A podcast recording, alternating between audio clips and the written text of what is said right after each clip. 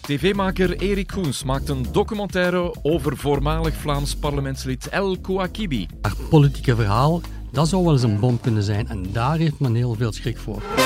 Een ander mediafenomeen deze week is toch wel de oude discotheek Cillian. Maar is het wel realistisch? Al diegenen die uh, morgen een ticketje kopen om uh, het verhaal van de Zillion te gaan zien, ja, die zullen van een koude kermis thuiskomen, want daar heeft het niks mee te maken.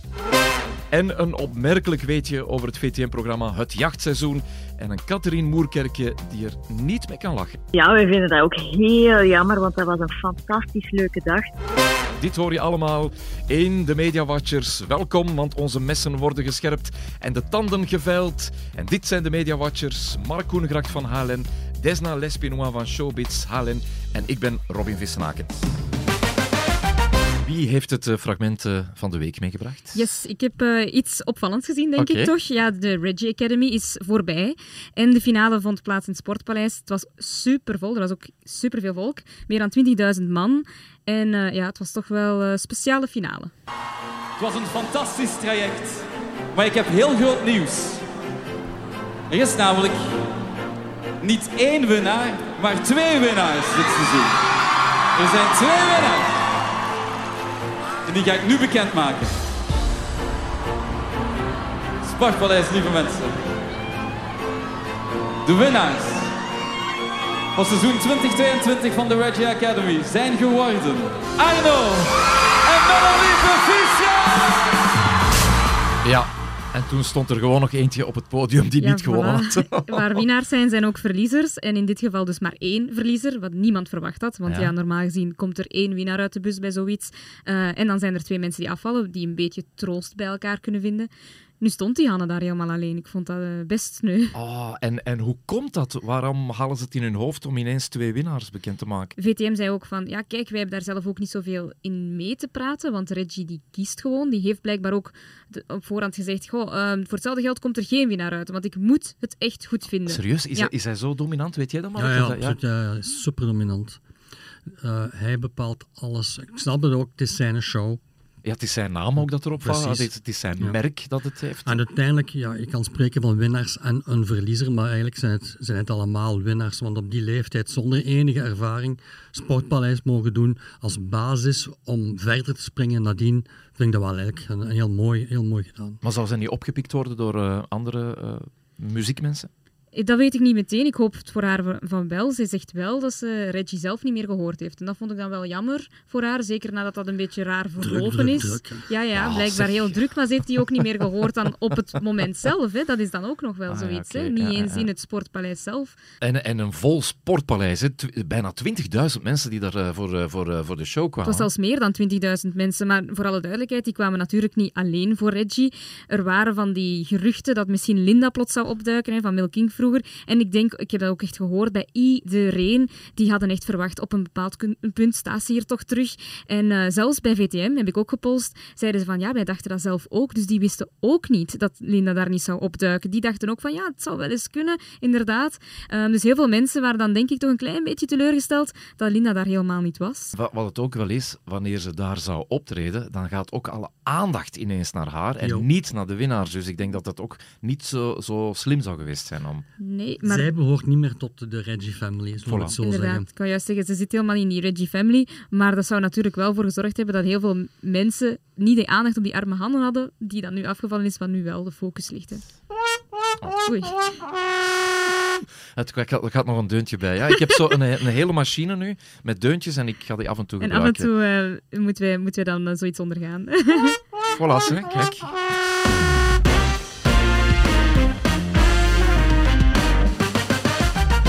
De VRT stuurt een tijdje geleden een persbericht uit dat tv-maker Erik Goens, die van Het Huis op 1, hè, wel een zeer populair programma, een documentaire gaat maken over El Kouakibi.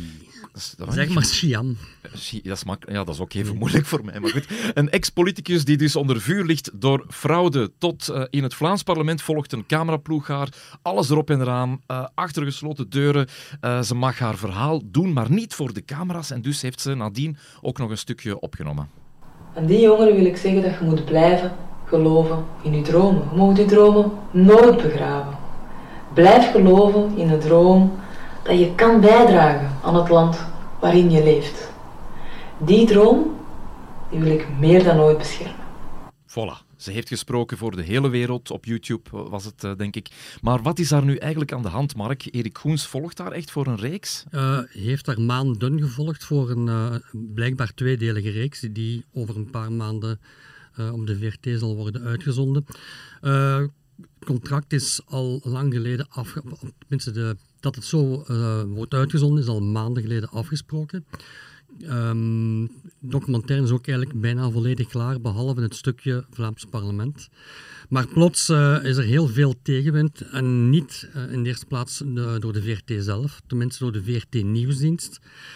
Ook dat is uh, niet nieuw. Uh, we denken aan uh, de driedelige reeks Bart de Wever. Heeft ook voor heel veel commotie gezorgd binnen de VRT. En daar aarzelt men niet om dat dan naar buiten te brengen natuurlijk. Het is een openbare zender, brengt graag zijn eigen problemen naar buiten. En, en, maar wat is dan effectief het probleem nu? Uh, het probleem is dat ook al hebben wij die afleveringen nog niet gezien, men toch blijkbaar schrik heeft dat dit de eenzijdige parley gaat worden van Shiam El Kouakibi. Terwijl uh, ik dan in eerste instantie denk, bel een keer met Erik Groens, wat ik gedaan heb. En uh, ik geloof Groen, zoals hij vertelt, maar ik ben niet de man die uh, slippendrager is van deze of gene. Hij heeft ook een heel grote, heel grote reeks uh, van heel goede documentaires gemaakt. Dus ik geloof hem als hij zegt dat hij El Kouakibi wel meer dan eens op de rooster heeft gelegd. Wat denk jij ervan als je dit hoort? Ja, ik, ik vind ook, geef het eerst een kans natuurlijk. Ik kan natuurlijk niet oordelen voordat ik iets gezien heb. Ik heb geen enkel fragment natuurlijk gezien. Maar puur wat ik afleid uit haar theatrale betoog, hè, dat ze wel graag voor de camera ook voert, merk ik wel dat dit heel gelegen voor haar, voor haar komt op dit moment. Hè. Die documentaire reeks waarin zij dan haar verhaal ook kan brengen. Of Hoens daar nu het vuur aan de schenen legt of niet. Het is gewoon voor haar een moment om uh, geen stille dood te sterven. Hè. Om daar letterlijk het podium nog even te grijpen en haar verhaal te brengen en te zeggen, hé, hey, maar wacht, het kan ook nog zo bekeken worden. Hè. Ja, maar ik denk dat ze sowieso een stille dood gaat sterven. Haar, haar verhaal, haar politieke verhaal is over. Alleen denk ik dat wat ze te vertellen heeft over wat er gebeurd is, dan gaat het niet over al dan niet gesjoemel met, met uh, subsidies, maar haar politieke verhaal, dat zou wel eens een bom kunnen zijn. En daar heeft men heel veel schrik voor. Dat is de reden waarom er zo door de politiek heel, heel uh, zenuwachtig wordt gedaan. Dat is ook de, een stukje de reden waarom de VRT Nieuwsdienst zo zenuwachtig doet. Want zij hebben natuurlijk een zeer... Dat is hun kluif in principe. Hè. De VRT Nieuwsdienst zou dit soort, soort dingen zelf moeten doen. En het is alweer Erik Groens.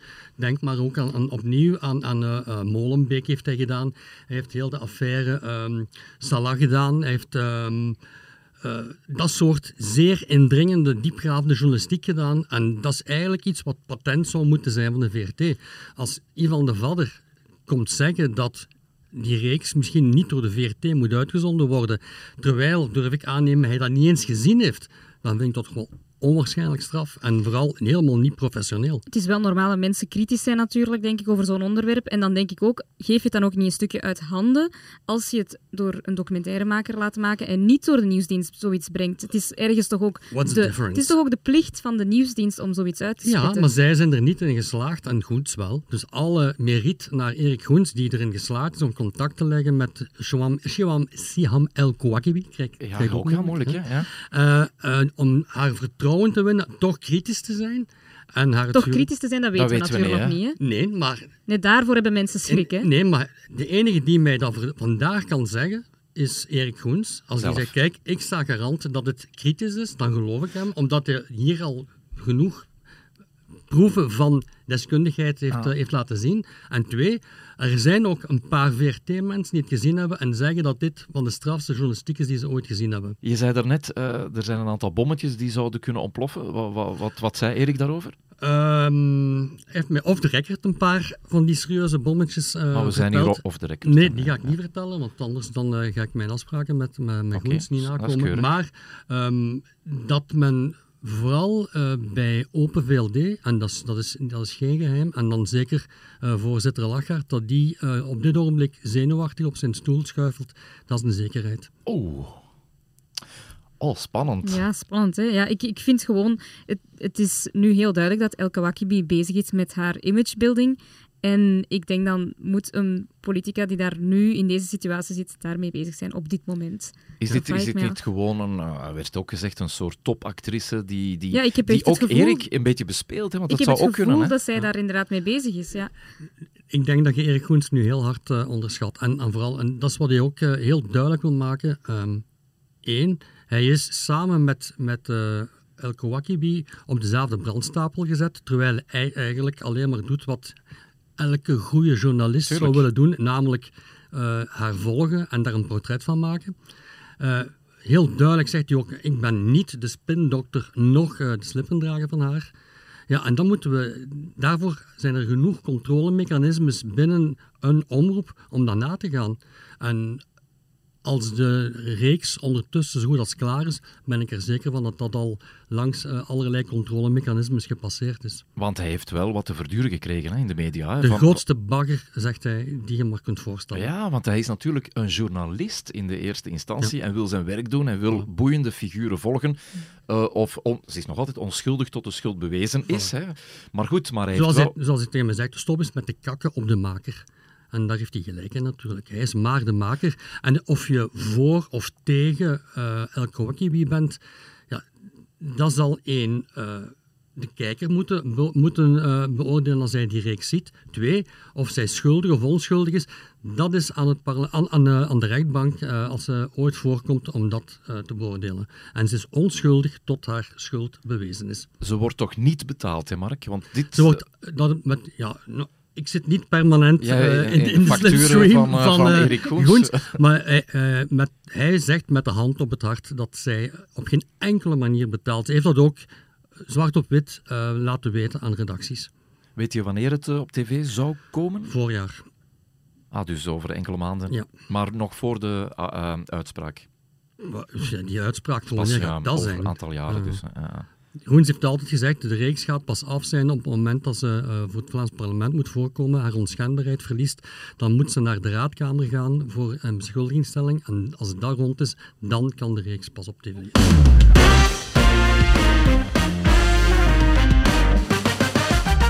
Het media-event van deze week was toch wel eh, de lancering van de film eh, Zillion eh, over de beruchte Antwerpse discotheek in de jaren 90 met discokoning Frank eh, Verstraeten. Ons moeke zei altijd... Als je niet wilt dat de mensen op je neerkijken, hè, dan moet je zorgen dat ze naar je opkijken. Frank Verstraten, jij zet de nood aan de voet binnen, verstaan? En eerlijk, ik had het zelf niet beter kunnen zeggen. Sorry, Frank, maar wat weet jij van discotheek? Genoeg om te weten dat ik er zelf in wil. Men moet zich niet ongerust maken. Ja, voilà, dat is een stukje uit de trailer dat jullie eh, nu gehoord hebben. Ja, eh, naar de film ge- ja, jij bent zeker geweest, ja, Desna? ja, ja, ja, natuurlijk. Oh, met een stralende Ja. eh, glimlach. Ik vond het eh, heel leuk, want echt iedereen was daar in de film zelf. Ik vond die top. Ja. Ja, en Mark, jij ook gezien en eh, Ja. eh, evenement ook er gedaan nadien in de Waagnatie? Nee, nee, want ik, ik moest mij eh, eh, eh, wakker genoeg houden om hier eh fatsoenlijke mening Voilà, te voilà, kunnen vervolgen. hetzelfde. Maar jij bent naar de Waagnatie geweest? Ik ben niet achteraf naar de Waagnatie geweest, enkel de Rode Loper en daarna de film. Ja, ja. Zeg, ehm, zoveel bekende mensen, zoveel materiaal om weer een, aantal weken te kunnen over schrijven en praten zoals wij nu doen. jij zei al, de film vind ik echt top. Ja. Want jij, bent, jij hebt nooit de Zillion echt meegemaakt. Nee, hè? nee, ik was twee jaar toen dat de Zillion geopend werd, dus eh, dat heb ik zeker en vast niet bewust meegemaakt. En eh, voor mij blijft dat een stukje magie en mysterie. Eh, ik denk zoals zoveel van mijn leeftijd, hè, want eh, alle jonge BV's en ook gewoon de niet bekende mensen van mijn leeftijd, die hebben zoiets van de Zillion. Jammer dat we dat gemist hebben, want dat was een stevig feestje, denk ik. Ik, ik heb het gevoel dat dat gaat terugkomen. Ik heb zo het idee dat Verstraten nu weer met iets bezig is om te beginnen Ja, bouwen rond ik- het merk Zillion. Ik weer. weet wel dat hij, en dat weet ik het eh, gewoon in de wandelgangen, dat hij inderdaad bezig is met iets opnieuw eh, op poten te zetten. Ehm, daar is hij volop mee bezig. Ook in dat eerder schunnige milieu, waar mensen toch van zeggen van kan dat nog wel vandaag de dag. Hij is heel creatief. Ja, oké. Eh, Mark, wat vond jij van de film? Eh, een goede Vlaamse film en daar stopt het. Oei, minder positief dan. Hè? ja, Waarom? ehm, eh, ehm, al diegenen die morgen een ticketje kopen om eh, het verhaal van de Zillion te gaan zien, ja, die zullen van een koude kermis thuiskomen, want daar heeft het niks mee te maken. Ja, maar de film heet Zillion, dus ja, daar heeft het wel mee te ook. maken. Ja, nee, de, voor alle duidelijkheid, Frank eh, Verstraeten is de hoofdrolspeler en is ook de man van de Zillion.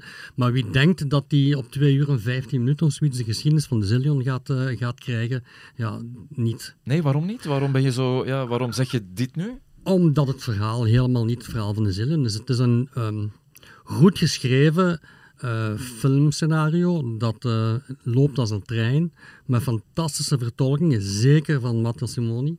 Dat is echt eh, Dennis Black Magic. Maar het heeft niks te maken met het verhaal van de Zillion. De rol van Dennis Black Magic bijvoorbeeld is zo opgewaardeerd en is compleet fout. Want destijds toen de Zillion opende, was Dennis nog een, ja, een, een braaf manneken die eh, zijn eerste stapjes zette in de pornowereld onder de vleugels van Eddie Lipstick, de echte Vlaamse pornokoning, die hij, Dennis eigenlijk nooit geweest is, voor alle duidelijkheid. Daarvoor is hij te snel eh, naar omhoog geschoten en dan eh, vleugeltjes verbrand en naar beneden gestort.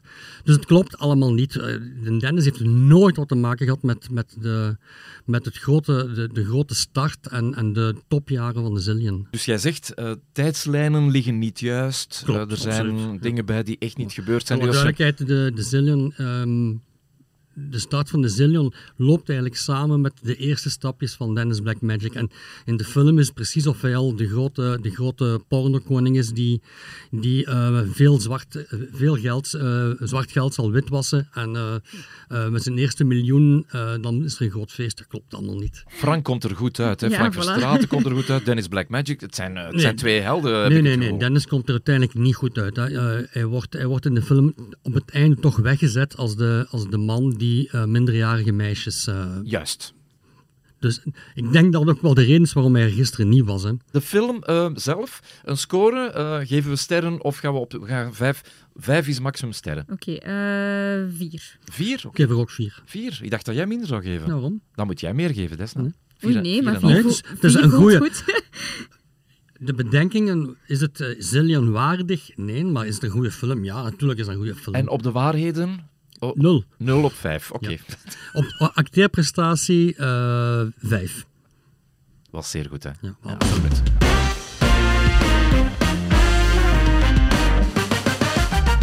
En Mark heeft iets ontdekt. Mark, wat is... Ik heb er opgeroffeld bij, wacht even.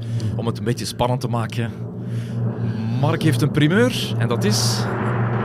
Eh, dat er maar zeven afleveringen eh, in het jachtseizoen waren en ja, misschien geen acht. ehm, om de eenvoudige reden dat de aangekondigde aflevering met Katrien en Hannelore Simons niet is uitgezonden. Oh, en, en, en eh, het is allemaal opgenomen geweest. En, en, of Allemaal opgenomen geweest en eh, bovendien met succes voor de boeven, want de twee dames eh, zijn er blijkbaar in geslaagd om uit de klauwen te blijven van de, van de jagers. Maar zo heb ik vernomen, er was een groot technisch probleem. En, en weet je welk probleem? Yep, ehm, bij de boeven die weinig technisch materiaal mee hebben omdat ze moeten kunnen ontsnappen, was er één cameraman. En die camera heeft het begeven blijkbaar. En dat wist, hem, dat wist men pas eh, na de volledige opnames. Toen, tegenwoordig is het allemaal digitaal, Mhm. toen het geheugenkaartje werd uitgelezen, kwam er een foutmelding. Dus niks opgenomen. Dan hadden ze alleen maar materiaal van één handicam en dat bleek dan helaas te weinig. En, wie, en dus eh, Katrien en... eh, Hannelore Simons. Oh. En dan hebben we het moeten stellen met ja, de fantastische Niels Albert en niet Albert, zoals de, de eh, jagers het de hele tijd hadden. Het is koning Albert, maar het is Niels, Puntjes het is Niels. Albert. Eh, en en eh, eh, ex-judoka Dirk van Tichelt, die dat trouwens ook heel goed, goed hebben gedaan. Maar ik had toch eigenlijk liever Katrien en Hannelore bezig gezien. Ja, kom, ik heb hier het nummer van Katrien. Ik ga die gewoon opbellen. Ja, eens zien of... Want dus die hebben gewoon de hele dag moeten eh, Ja. eh, opnames doen en dan gewoon de vuilbak in. Yep.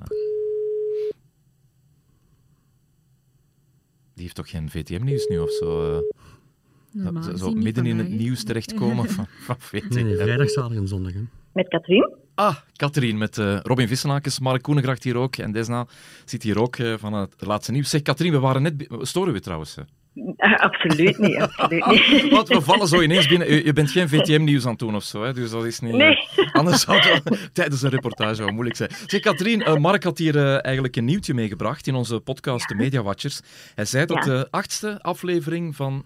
De zevende. De zevende. Eh, gewoon niet uitgezonden geweest is. En daar zat jij in. Ja, maar erg hè. ja, Hannelore Simoens, mijn collega en ik, eh, wij zaten daarin. Eh, ja, wij vinden dat ook heel jammer, want dat was een fantastisch leuke dag. We hadden ook eh, heel veel moeite gedaan om ons plan op punt te zetten en zo. We hebben daar eigenlijk een paar dagen aan gewerkt, in plan A, B en C.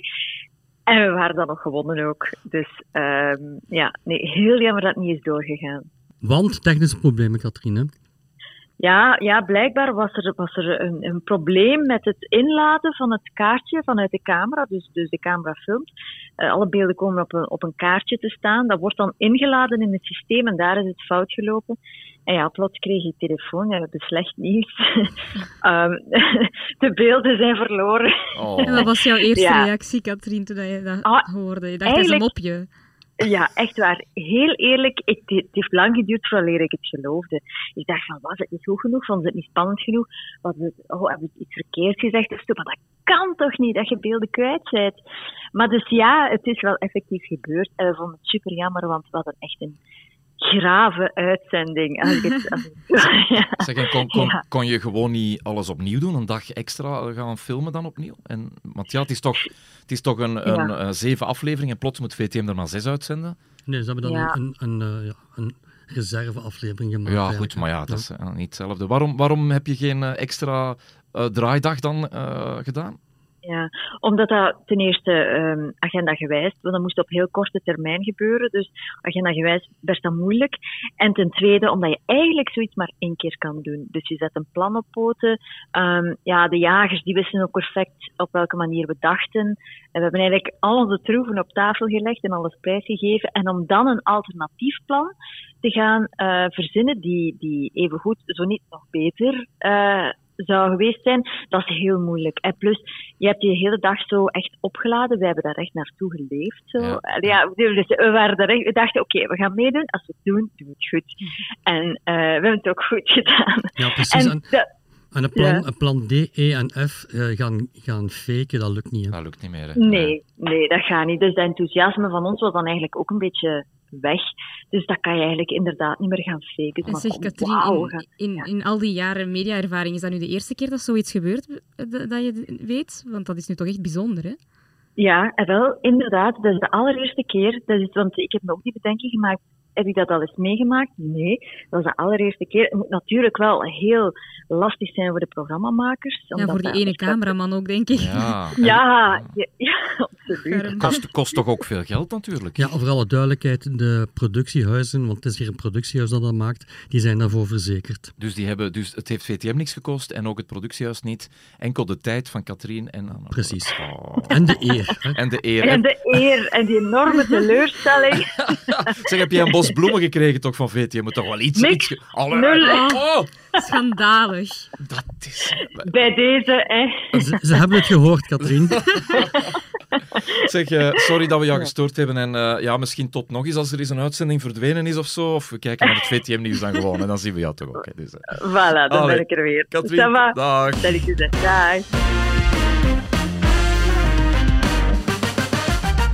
Oké, we zijn eh, aanbeland bij onze tv-tip voor eh, deze week. Eh, Desna, wat heb jij op tafel liggen? Wel, vanavond is de eerste aflevering van Ons DNA met Lieve Scheire en Fransjes Luffenburen. En ik kijk daar enorm naar uit, want ik vind het een beetje een atypisch VTM-programma. Het gaat eigenlijk over ja, het DNA van het menselijk lichaam. Het is een beetje wetenschappelijk, maar wel op een manier aangebracht dat voor het gezin kijkbaar is, hè, voor iedereen behappelijk is. Ehm, maar het doet mij wel denken aan een typisch VRT-programma. Het is eh, human interest, het is wetenschappelijk. Ehm, ik heb de eerste aflevering alvast gezien en ik vond het heel, heel goed. Dus ja, ja ik moet zeggen, ja, het ligt ook wel een beetje in mijn straatje of zo, omdat het te maken heeft met roots en herkomst. En ehm, ja, mensen gaan gewoon op zoek naar wat is er genetisch bepaald en wat niet bij mensen. Ik vind dat Fransjes dat ook supergoed doet, die human interest ro- rol op haar nemen en die verhalen daarachter ook zoeken. En Lieve Scheire op VTM? Komt Ja, goed. ik vind dat Top, wel werken. top Op. Q-Music doet hij ook die kleine rubriekjes. Juist, Het ja. was eigenlijk een beetje die vorm, ja. Ah, geweldig. Goed, Mark, wat heb jij bij? Wel, eh, het zal heel raar klinken, maar ik zou graag eh, toch nog een beetje reclame maken voor Kom op tegen kanker, alles eh, in de strijd. Terwijl ik de eerste aflevering absolute onzin vond en eh, boring en saai en over de top, noem maar op, alles wat fout is, zat er één fragment in dat eigenlijk alles goed maakte. Dat was de, eh, het hele straffe getuigenis van Warren Borgmans, die jaren geleden zelf eh, prostaatkanker, eh, waarbij prostaatkanker is vastgesteld, die geopereerd is. En dat op zo'n eerlijke, open, ontwapenende manier vertelde dat, dat iedereen daar stil werd, maar niet, niet, niet alleen de mensen daar, dus de andere BV's, maar ik thuis ook. Was echt eh, beklemmend, vond ik. En als er straks, want eh, donderdagavond is de tweede aflevering, als er zo drie minuten eh, televisie in zitten in de voor de rest te vergeten aflevering, dan ga ik kijken. Oké, elke donderdagavond 20 Nog twee keer. Nog twee keer om eh, 20 uur 40, zo is het. Oké, dank jullie wel. Oké, ça va? Alles gezegd? Of nog primeurtjes in de achterzak? Come here next week. Pot- altijd volgende week. Dit was de derde aflevering van de Media Watchers. Beluister ze allemaal in de sexy podcast van HLN App en via eh, Spotify natuurlijk. Volgende week donderdag eh, weer een nieuwe Media Watchers. Dus laat het maar wat lekker daver daar in het eh, Medialand. Tot ziens allebei.